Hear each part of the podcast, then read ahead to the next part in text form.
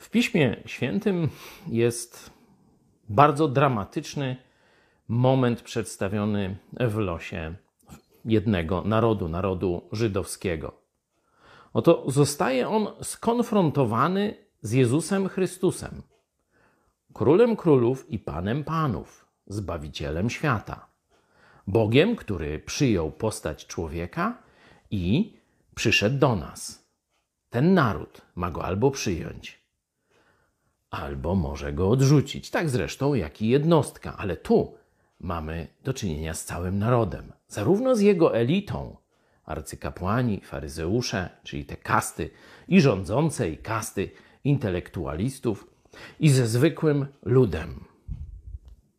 Jest sąd. Co zrobić z Jezusem?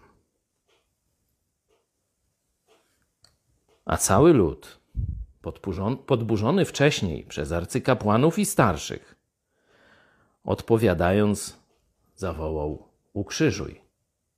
A potem krew Jego na nas i na dzieci nasze. Krew Jego na nas i na dzieci nasze. Bardzo dramatyczny, no, tragiczny werset.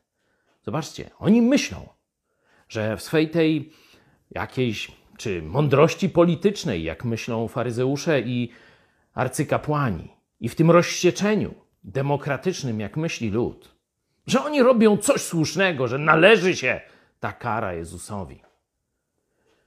Mówią o swoich dzieciach.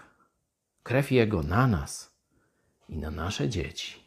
Zobaczcie, że w ten sposób wybór tamtych ludzi, tamtego pokolenia, całego narodu, elita plus tłum, można tak powiedzieć, który za nią idzie, wydali wyrok na swój naród. Dwa tysiące lat ten naród był w niewoli. Z tej historii wyciągnijmy wniosek. Stosunek do Jezusa to jest przyszłość narodu, być albo nie być.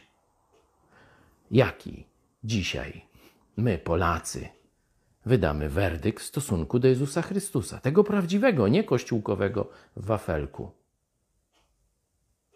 To będzie miało konsekwencje dla nas i dla naszych dzieci.